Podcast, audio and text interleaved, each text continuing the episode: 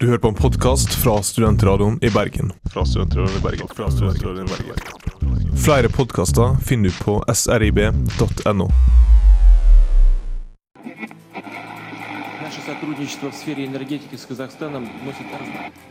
La longueur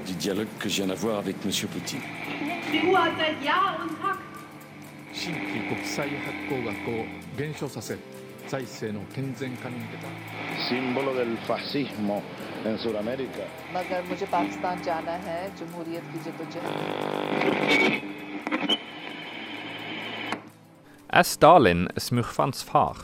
drepte den iranske ayatollahen Michael Jackson for å lede oppmerksomheten bort fra eventuelle ulumskheter rundt det iranske valget. For å lose lytterne gjennom denne jungelen av sannheter og løgner, kjent som konspirasjonsteorier, har du med Fredrik Sagerfoss? Og meg, Karoline Noranger. Hva er det egentlig i den lange, hvite stripen vi ser etter flyene på himmelen? Er det kondens, eller er det noe mer? Hva skjer egentlig i de mørke gangene på Yale University? Er de utspring for et hemmelig nettverk av politikere og næringslivstopper? Og finnes det liv på andre planeter? Prøver myndighetene å skjule det for oss på hemmelige baser i ørkenen? Vi dykker i dag ned i konspirasjonens gåtefulle verden. I tillegg til dette skal vi på nytt høre fra Kristina Hauges reise i lykkelandet Bhutan. Du hører på utenriksmagasinet MIR. Eller gjør du det?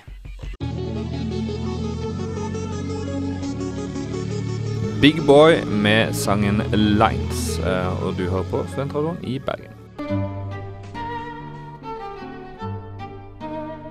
Vi слушаете иностранный журнал «Мир» о студентском радио в Foreign magazine «Мир» on student radio in Bergen.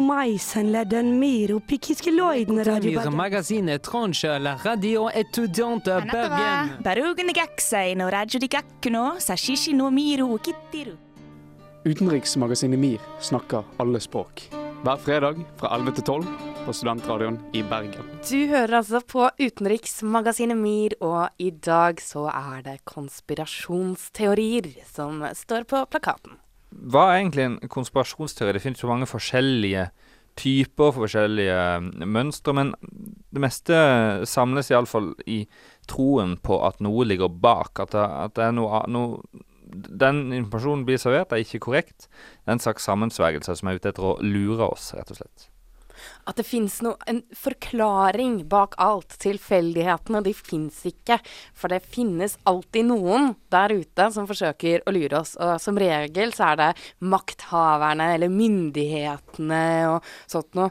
Vi kan, jo, vi kan jo ta et eksempel som vi nevnte helt i begynnelsen av dagens sending, om Stalin som smurfenes far. Hva, hva, hva er dette her eh, for noe, Fredrik? Nei, altså eh, Smurfeland er jo et veldig egalitært og homogent samfunn. Folk går kledd helt likt, og de, eh, de ser like ut. Og de Altså, i den grad noen styrer, så er det smurfefar med, med Eller pappasmurfen med skjegget sitt som, som holder en viss kontroll over det hele.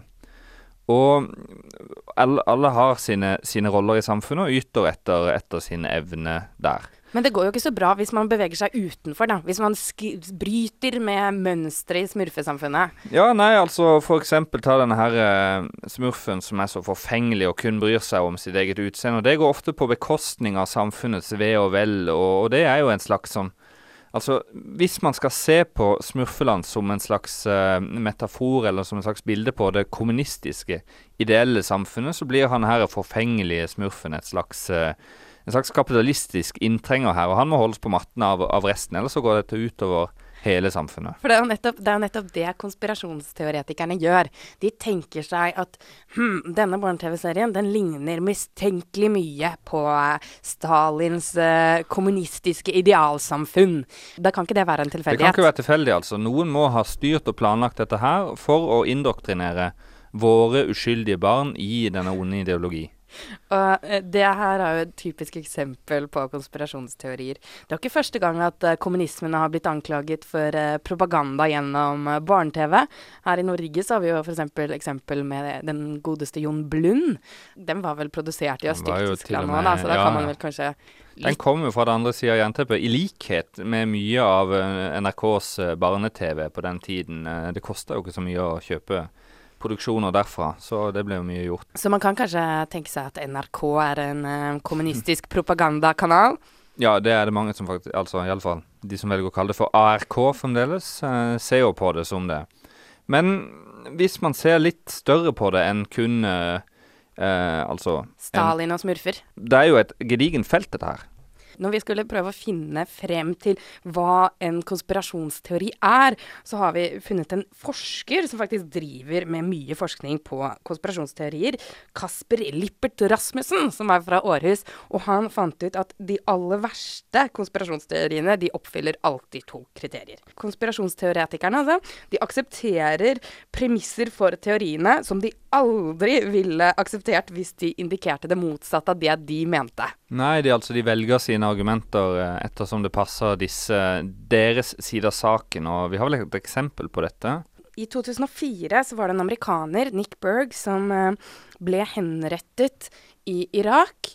Det som skjedde da, det var jo at uh, Nick Berg han eh, ble tatt til fange av iranske Al Qaida-sympatisører, som først sendte ut en video med krav og trusler, uh, og deretter en video hvor uh, seerne kunne følge med på at han, han ble halshugget. Og det som teorien da går ut på, det er at Berg han var et offer for amerikanerne selv, som ønsket da å skape støtte etter at det hadde kommet frem at det var tortur av fanger i det beryktede Abu Ghrabi Den klarte jeg ikke å si så Abu godt. Ghraib.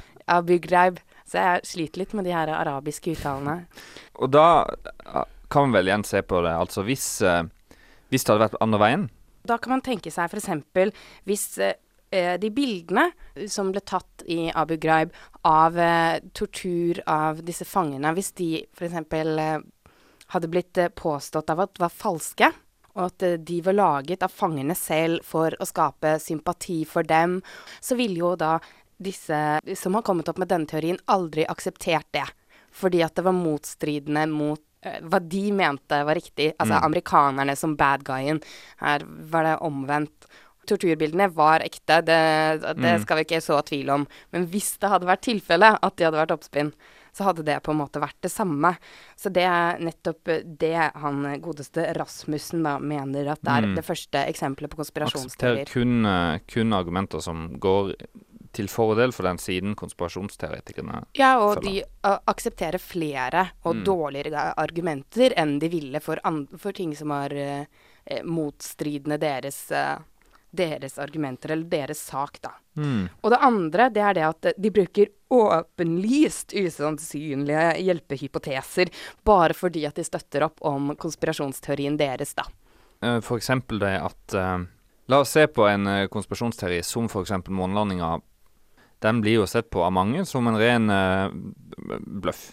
Bare for å villede oss til å tro at vi er på månen, av en eller annen grunn. F.eks. at at man skulle lure Sovjet, som jo, som USA jo da hadde et relativt kjølig forhold til på den tiden.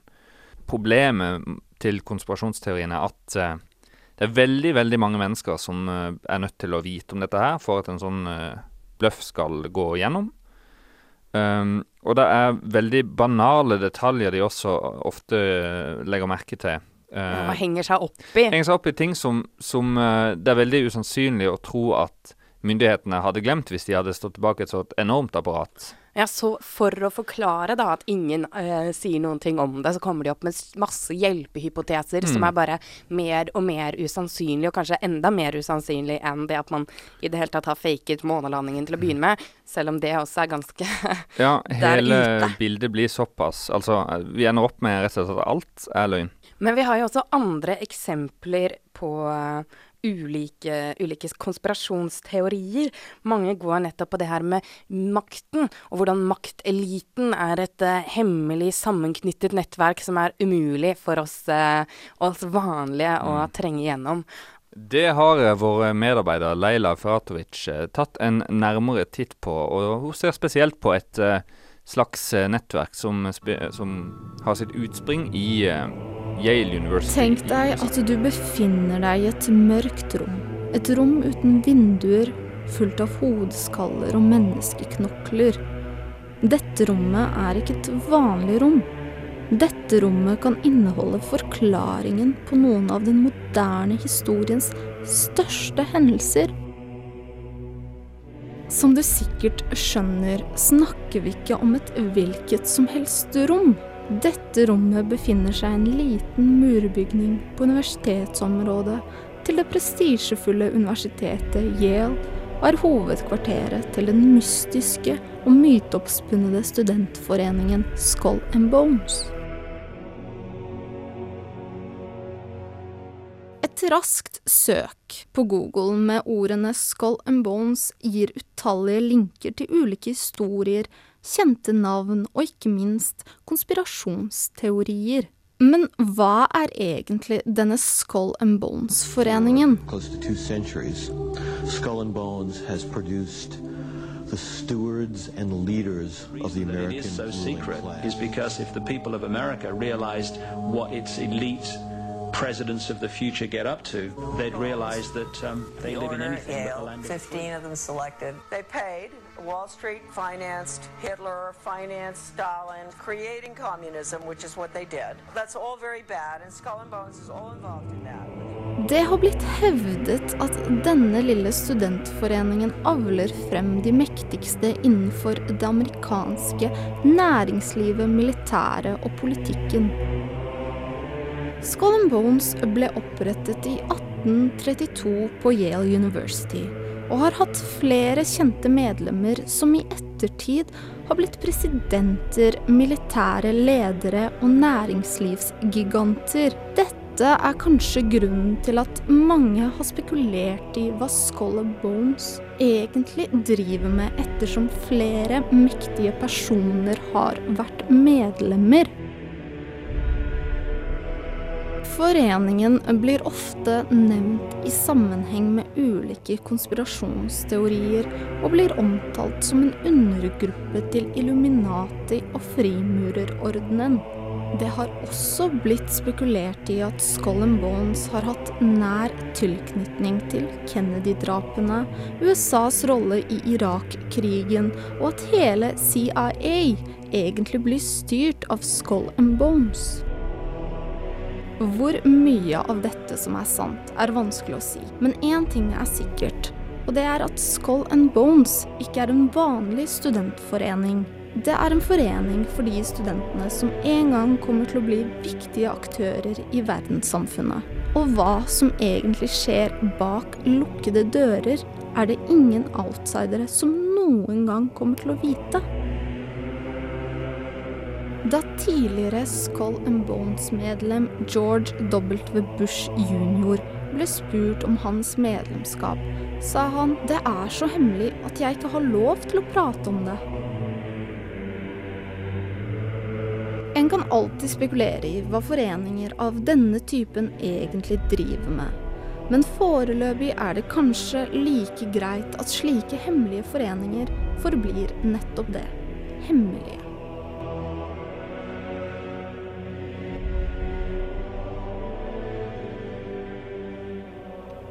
Leila Feratovic hadde der sett nærmere på Skull and Bones-nettverket, som, eh, som mange amerikanske eh, næringslivstopper og politikere visstnok har vært en del av. Og vi har jo eksempler på veldig mange andre sånne nettverkskonspirasjonsteorier. En som jeg er litt glad i, det er denne her Illuminati, som faktisk har vært en Det har vært en orden, Illuminati-orden. Den hadde ut sitt utspring i opplysningstiden og skulle fremme opplysningstidens tanker og teorier og vitenskapen og ytringsfrihet og det var et nettverk av vitenskapsmenn. Og det er noe som fortsatt nå i dag, da, denne teorien om, at det, om dette nettverket lever fortsatt. Men det har fått en ganske annen form. Ja, den er jo Altså, populærkulturen tar eh, for tiden Altså, nå opp dette her Illuminati-mytologien igjen. Vi har jo sett det i eh, f.eks. Dan Browns eh, bøker som er blitt eh, forferdelig populære. Og, og, man kan også se det på, i populærkultur med musikk. Tupac, blant annet, som hadde Killuminati som uh, en uh, egen sang eller et album, tror jeg det var. Og, og, bruker det da aktivt. Her er det i motsetning til sånn som Leila snakket om i, om Yale, at det var helt hemmelig, og at Bush junior ikke ville snakke om det fordi at det var så superhemmelig. Så bruker de det her da kanskje for å fremme seg selv og påstå, uh, skape en slags mystikk rundt seg selv for å få det til å virke som om de er en del av makteliten. Ja, og når man det, prøver å skape denne mystikken rundt seg sjøl, så fjerner man kanskje litt av mystikken rundt selve dette superhemmelige nettverket. Ja, og det virker jo litt mindre sannsynlig at du faktisk eh, ville vært med i et mm. sånt nettverk hvis du avslører det på den måten. Det sies jo bl.a. at både Lady Gaga og Lady Gaga og JC er, er uh, medlemmer av det her, og at det, det, det finnes et sånt trekantsymbol med et øye i midten, da, mm. som er veldig sånn ja, typisk for Illuminati-gruppen. Og det fins jo tallevis av YouTube-videoer mm. hvor de spiller musikkvideoer baklengs og sånt noe for å få frem sånne eh, ting som høres ut som Illuminati, eller ting som liksom sier noe om dem.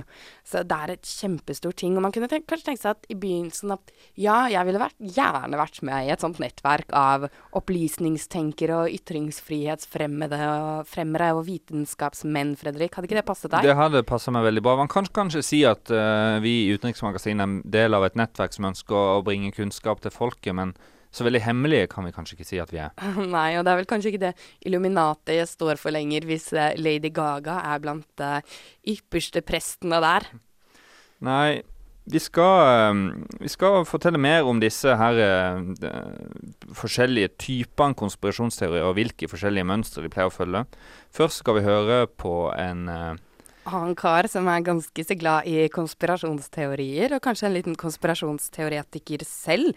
Det er godeste Jedi Mind Tricks sin Vinnie Pass som gir deg End of Days. Vinnie Pass med End of Days her på Studentradioen i Bergen.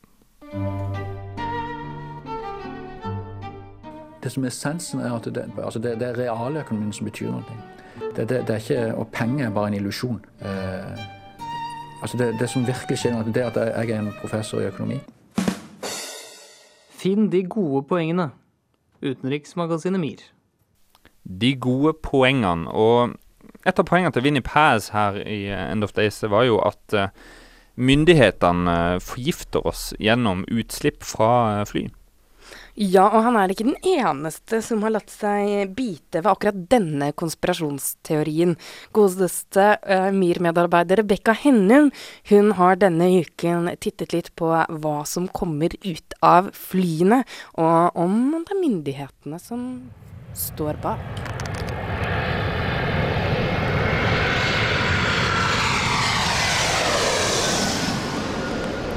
Da jeg var liten, synes jeg det var veldig fascinerende å se passasjerfly fly over himmelen. Jeg lurte ofte på om det var noen inni flyet som kunne se meg. Vi vinket ivrig mot det passasjerende flyet, og etter hvert var det bare en hvit stripe av sky igjen. En kondensstripe. Det var iallfall det jeg ble fortalt at det var.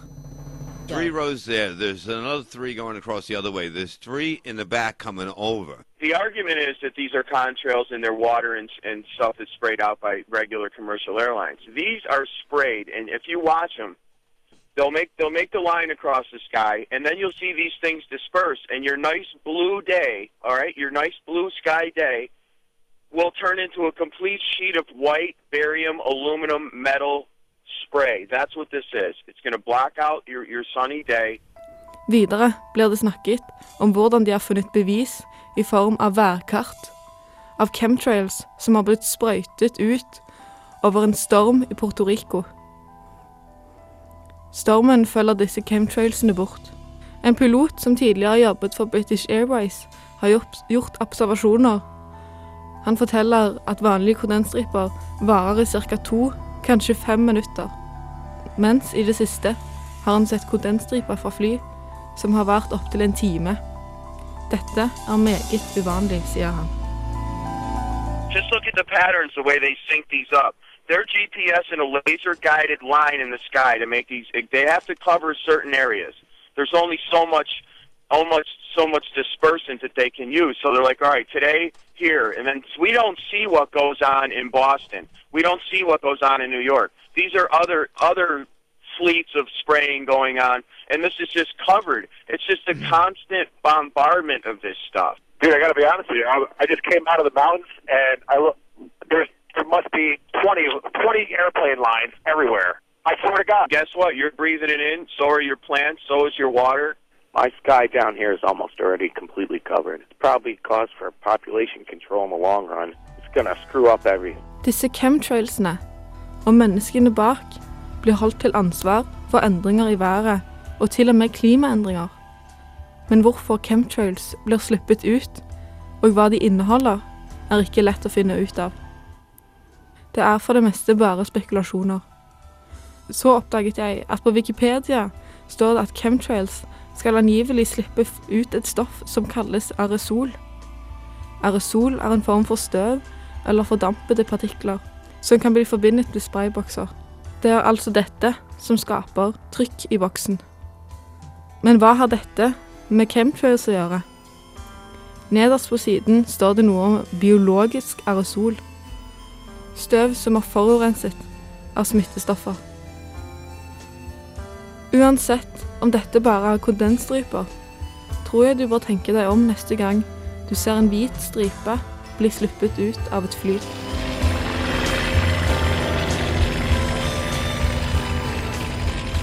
Rebekka Hennum der, som er litt uh, skeptisk til hva myndighetene egentlig Eller hva som egentlig skjer når eh, flyene lager disse hvite stripene sine.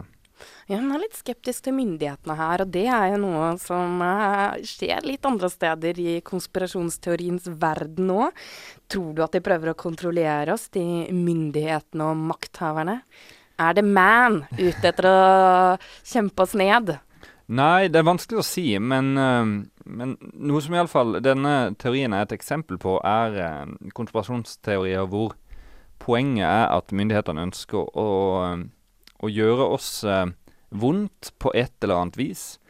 Og hvis man drar dette, denne type konspirasjonsteorier ut til det ekstreme, så er vi jo inne på dette her med de store terroraksjoner og ulykker som da noen mener at uh, myndighetene står bak.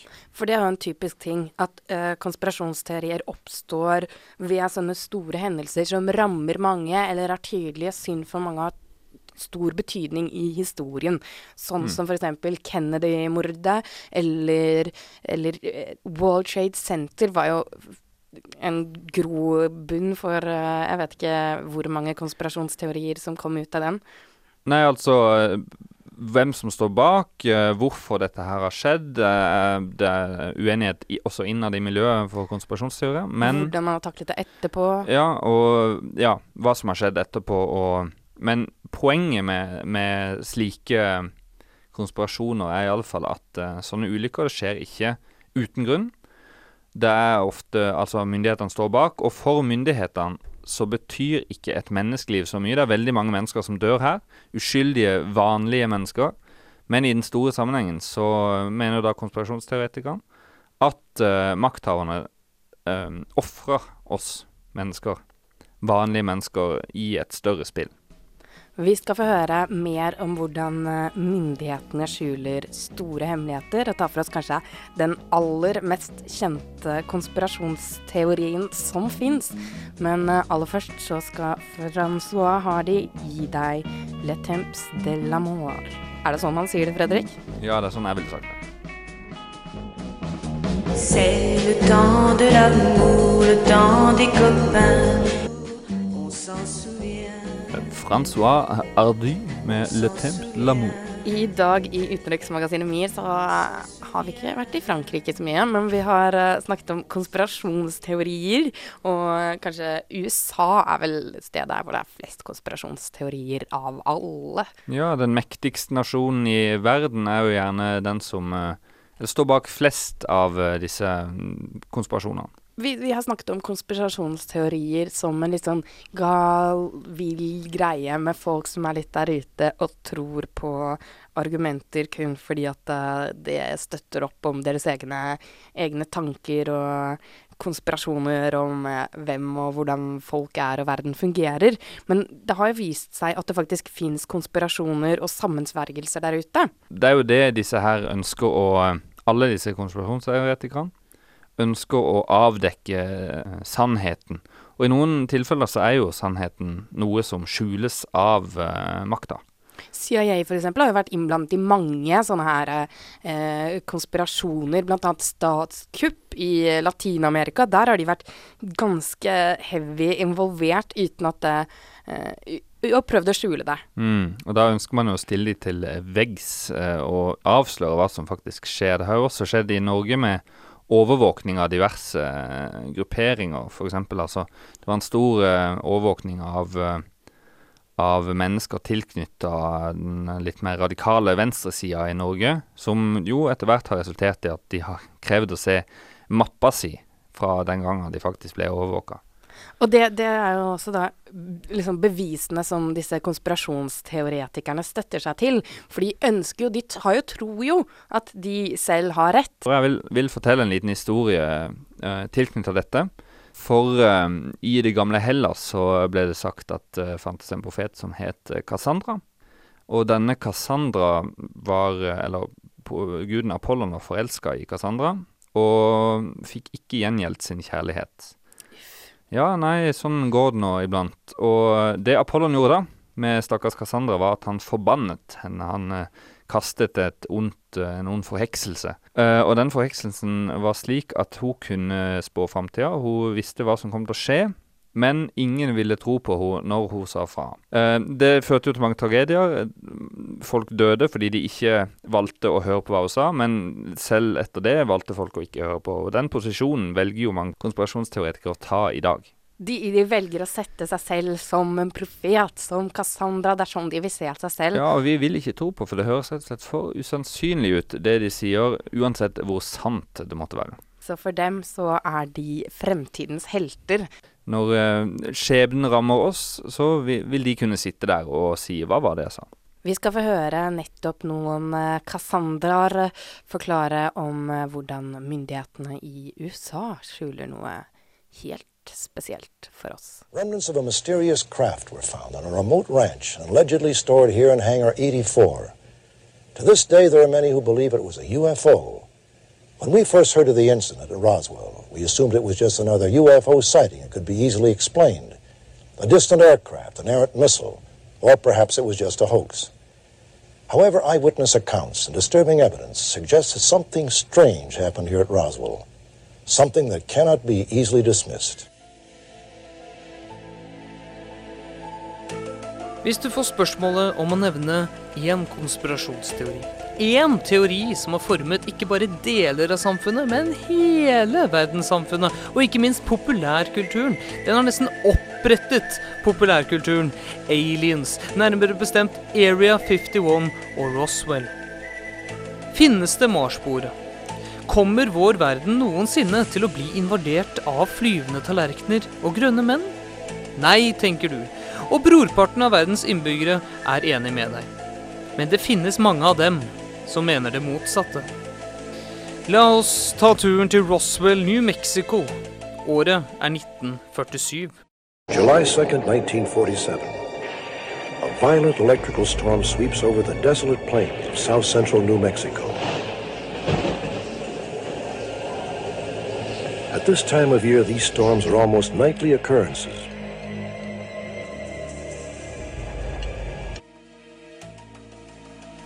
En flyvende gjenstand krasjer på et jorde. Den amerikanske hæren rydder opp og går offisielt ut etterpå og sier at dette var en høyteknologisk radarballong som de har satt ut i luften. Dette går ikke omverdenen med på. Det var en ufo fra verdensrommet som ble skutt ned, og skipet ble ryddet bort, og skipets passasjerer ble tatt til fange av USA. Der sitter de fortsatt, i en militærbase i Roswell skal vi tro konspirasjonsteoretikerne. Å tro at det finnes aliens blir muligens litt absurd, men denne hendelsen i 1947 har i etterkant spredt en enorm fascinasjon rundt romvesener blant hele verdens befolkning. De som i ettertid kanskje har blitt mest glad for denne fascinasjonen, er Hollywood. Prøv å telle på fingrene hvor mange ganger du har sett en alien-film.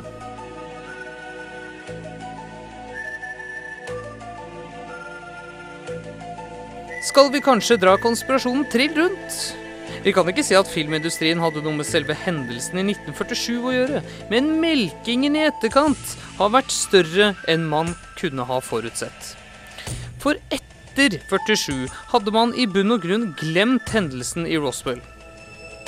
På 70-tallet kom en gammel general frem og sa at det var merkverdig det som skjedde den dagen.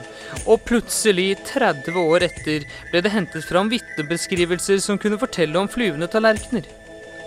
Dette ble selvsagt melket og melket, og i 1982 tok Spielberg og åpnet ballet. ET ringte hjem, og både i film- og spillindustrien har utenomjordiske vesener vært sentrale i veldig mange kassasuksesser.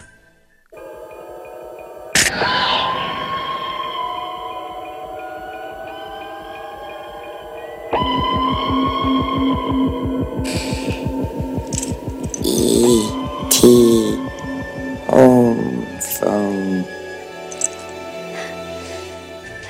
NASA prøver desperat å finne ut hvor det er liv utenom på jorden. De sender ut satellitter, og gudene veit hva ut i rommet, og krysser fingrene på at de sender det riktig vei. Hadde de hatt inside information siden 47, håper jeg virkelig at treffsikkerheten hadde vært bedre enn det den har vært.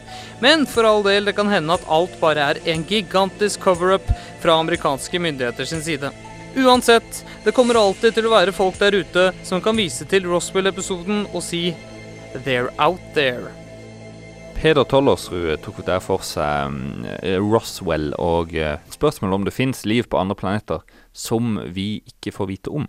Tror du at det finnes eh, aliens der ute, Fredrik? En slik konspirasjonsteori som dette eh, faller jo inn i et mønster eh, rundt altså det med informasjon som myndighetene ønsker at, vi, eller ønsker at vi ikke burde vite. De holder skjult for oss, kanskje de mener vi ikke er klar for det.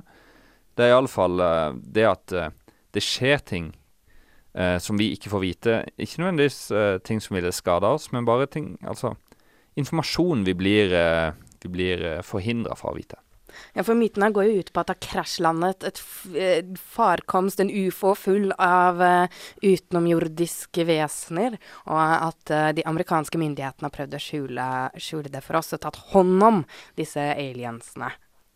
Ja, og uh, altså ifølge myten så, så skal det være fryktelig Altså mye teknologi. altså Noen mener disse her er i live, som vi hørte i innslaget, at de fremdeles sitter fanga. Uh, mens uh, USA, myndighetene, sier jo at dette rett og slett bare var en ballong som styrta i ørkenen. En topphemmelig, avansert overvåkningsballong. Og det syns jo mange høres ut som tull og fanteri. Du skal få sukkertøy, og du skal få lade.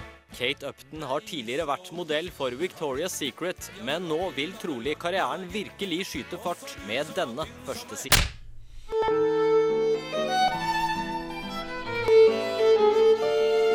Seriøst. Utenriksmagasinet MIR. Utenriksmagasinet MIR har i dag sett på konspirasjonsteorier og konspirasjonsteoretikernes verden.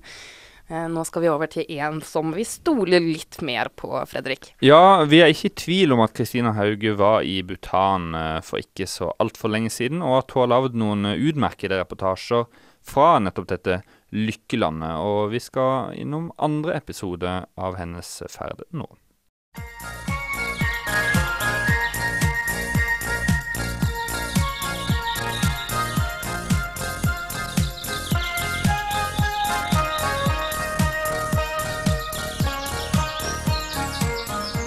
Det er mange unge mennesker å se på gatene i Bhutan. De fleste går i de påbudte folkedraktene Go og Kira. Men det finnes også dem som går i helt vanlige klær, som dongeribukser og T-skjorter. Men de er det få av. Det som mange ikke vet, er hvor ung befolkningen i Bhutan egentlig er. 56% av befolkningen er under 25 år, og av dem er 10 000 arbeidsledige. Men det er ikke utdannelse det skorter på, heller tvert imot. Problemet ligger i at flere og flere utdanner seg, enten i Bhutan eller i nabolandet India. Da blir det færre som kan ta på seg jobben med å bokstavelig talt bygge landet. Det blir færre bønder, snekkere og håndverkere. Og er det noe Bhutan trenger i et utviklingsland som hurtig beveger seg oppover, så er det håndverkere. Derfor er det mange indere å se i hovedstaden. Enslige indiske menn som kanskje har forlatt familien sin for å reise til Bhutan og jobbe. Inderen har til og med fått sitt eget distrikt i hovedstaden.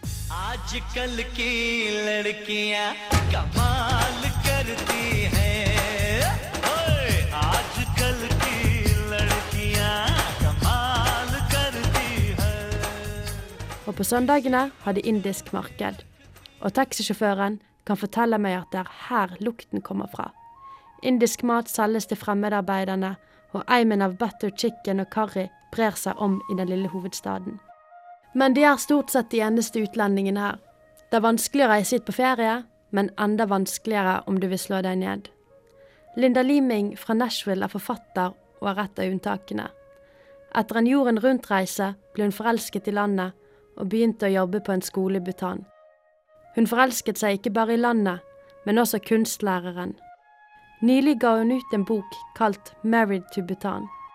Hun klarte å overbevise myndighetene om å forbli i landet, men det var ingen lett oppgave. But it was really, really hard. I kept going back to Bhutan over a period of, of 1995, 1996, and then finally in 1997, I convinced the government to let me go and teach there. I told them I wanted to go teach, and it was really unprecedented for a lone American woman to just go without a an NGO, without any scholarship, as you have, or you know anything like that. Now I think it's a little bit easier to go and volunteer, but back then it was virtually impossible. So I think they just, I think they liked me. They thought I was pretty harmless, and they thought I wasn't ever going to give up. So they let me go and teach, and I did that.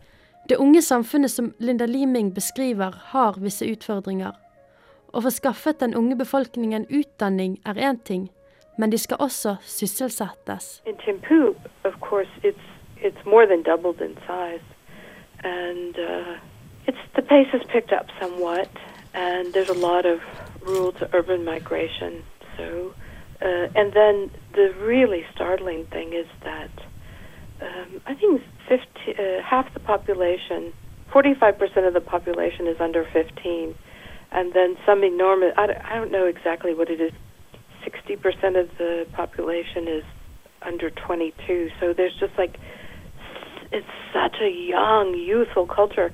I mean, they had a baby boom, and it was necessary. It was needed. It's the least populated country in Asia. There's 70, 700,000 people, between 650 and 700,000. So they need people, and um, but now the scramble is to educate them and to get them skilled and trained.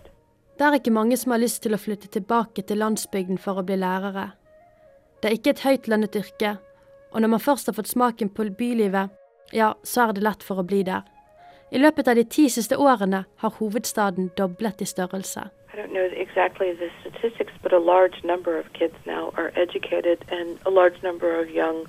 women. The uh, UN Millennium Development Goals are, I think, th- they have a large percentage of. There's there's a lot of schools.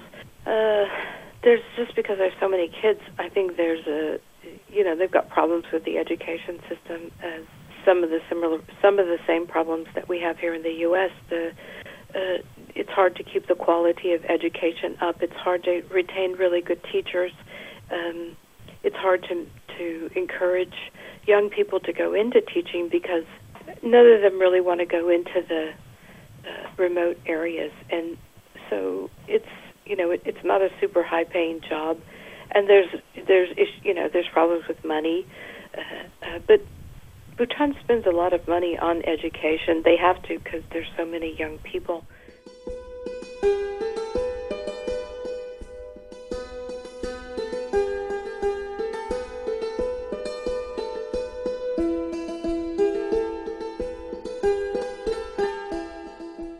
Er i Bhutan sammen med en politisk delegasjon fra Norge.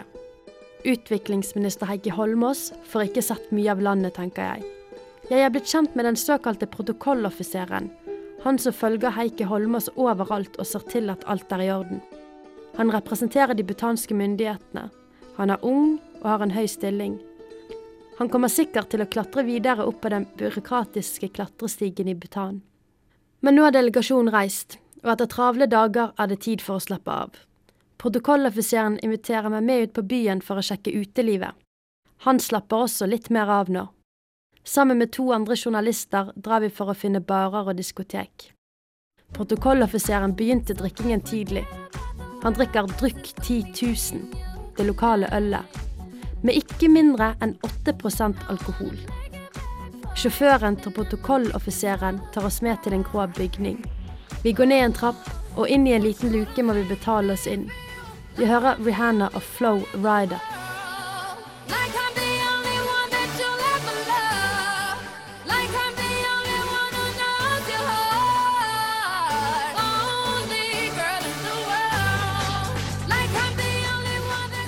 Og videre inn i lokalet står dansende butanesere. De tradisjonelle folkedraktene er byttet om med korte kjoler og høye hæler. Om jeg skal sammenligne det med et utested i Bergen, må det være Metro eller Exodus, om det fortsatt eksisterer. På toalettet står det en svær sofagruppe i midten, og sminkespeil langs veggen. Og det minner meg om noe jeg har sett på Mad Men. Og jentene sitter der elegante, akkurat slik jeg forestiller meg de gjorde på 50-tallet, med sigaretter i hendene. Selv om det er forbudt i Bhutan. Så sitter jeg her, da, i et isolert land i Himalaya-fjellene. Det er vanskelig å forstå. Jeg bommer en sigarett av jentene og setter meg ned med dem. Jeg spør hvorfor de ikke har på seg kira, den tradisjonelle folkedrakten. Vet du, hvis man har kira på seg på utestedene, kan man faktisk bli tatt for å være prostituert. Det har jeg opplevd, sier den ene av jentene.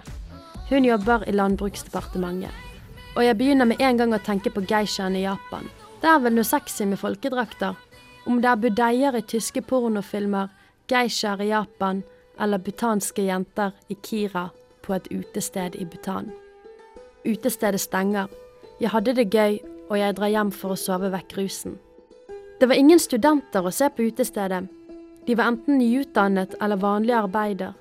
Studentene har ikke tid eller mulighet til den slags, forteller protokolloffiseren meg. Men han skaffer meg en sjåfør som kan ta meg med til universitetet i hovedstaden. Sjåføren kjører ut av byen og setter på butansk musikk.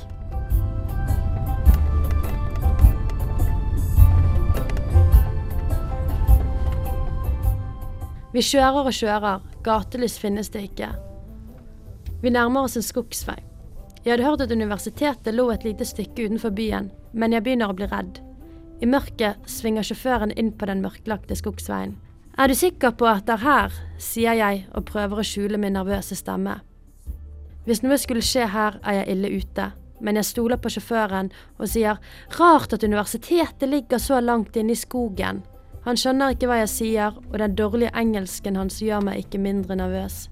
Etter flere minutter på den mørklagte skogsveien lurer jeg på om det er nå alarmklokkene mine burde ringe.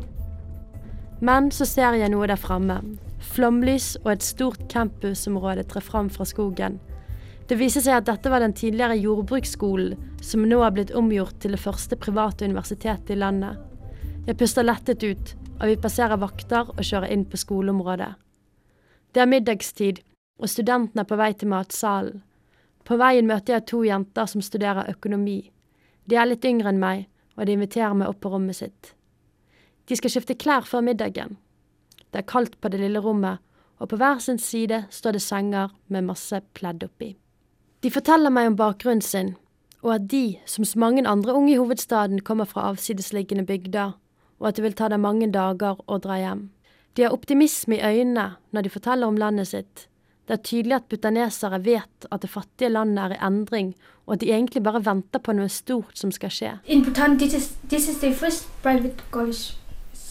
So, as we have not qualified for any other institute, so uh, some of they have got rich parents background, and I was sponsored by, I got one, I mean, lama So I was just insp- by him. Den lokale buddhistiske lamaen fra landsbygden hennes har betalt for utdannelsen. De sitter på hver sin side av rommet, på hver sin enkeltseng, i de vakre folkedraktene. De har røde skinn, gyllen hud og kullsvart, glansfullt hår. Å få en master og jobbe for myndighetene er det de vil, men like viktig er det å hjelpe familien sin. He knows my father since we, uh, Lama and my father were in the same village. I'm much thankful to him that I'm, I'm able to study over here. Otherwise, I don't know. Maybe I, I have got married and had child, but then thanks to him, that credit goes all to him. Og der sitter vi tre, og vi tenker akkurat det samme. Vi vil være uavhengige, få en utdannelse og se til at familiene våre har det bra. Uh, I want to be myself, uh, standing in independent life, uh, where I can focus more on my family, and also especially my uh, younger brothers and sisters.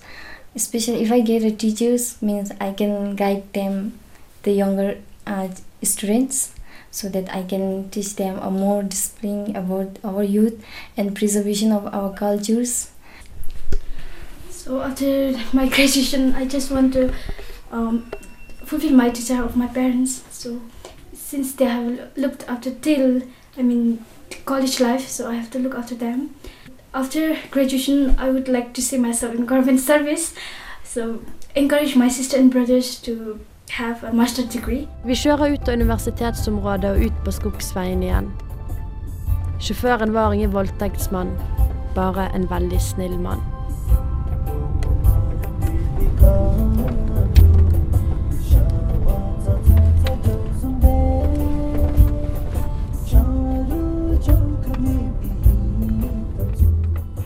Kristina Hauge der, som har vært i lykkelandet Bhutan og tok med seg eh, litt reisebeskrivelser hjem til oss her i Utenriksmagasinet MIR. Vi skal reise videre inn i drømmeland denne gang. Det er eh, Charlie XCX som synger om Velvet Dreaming. Ukens album her på Studentradioen i Bergen. Charlie XCX med Velvet Dreaming. Ukens album på Studentradioen i Bergen. Og du hører nå på hva for noe, Fredrik? På Utenriksmagasinet MIR, og vi har tatt for oss konspirasjonsteorier og sammensvergelser i denne sendinga. Hvor kommer de fra? Hvorfor tror folk at uh, ting ikke er som det i utgangspunktet ser ut som det er? Men nå er vi dessverre kommet til veis ende. Vi har hørt uh, om eh, det hemmelige nettverk eksemplifisert gjennom Skulls and Bones. Og det er Leila Ferratovic eh, som tok oss gjennom uh, Yales uh, gamle, gamle mørke ganger. Rebekka Hennum har fortalt oss at uh, vi blir forgiftet gjennom flyutslipp, og at det er eh, mest sannsynlig myndighetene som står bak. Mens Peders Tollersrud fortalte om de utenomjordiske vesenene som sitter fanget eh, i Area 51 i den amerikanske ørkenen, og hvordan myndighetene prøver å holde den informasjonen skjult for oss. Neste uke så kan vi i utenriksmagasinet MIR by deg på eh, Tyrkia, som er islamsk og sekulært, Fredrik. Vi eh, skal se litt nærmere på eh, dette landet og den fremadstormende mm, staten som får en stadig større rolle i det internasjonale politikk. Hvis du skulle ønske å høre denne eller tidligere sendinger om igjen, så kan du gjøre det på Studentradioens hjemmesider, srib.no. Der kan du også laste ned podcaster som du kan høre på på telefonen din eller på maskinen din. Hvis du ønsker å ta kontakt med oss i Utenriksmagasinet MIR av en eller annen grunn, så kan du sende oss eh, e-post på umir.krøllalfa.srib.no. Du kan også eh, følge vår Twitter-konto eller eh, besøke vår side på Facebook. Etter oss i dag så kommer Studentradioens jusprogram, Formidlende omstendigheter. I studio da sitter jeg, Fredrik Sagerfoss. Og jeg, Karoline Nordanger. Produsent har vært Marit Bjøntegård. Takk til deg. Og tusen takk til deg, lytter. Du hører oss igjen her til samme tid neste uke på gjenhør.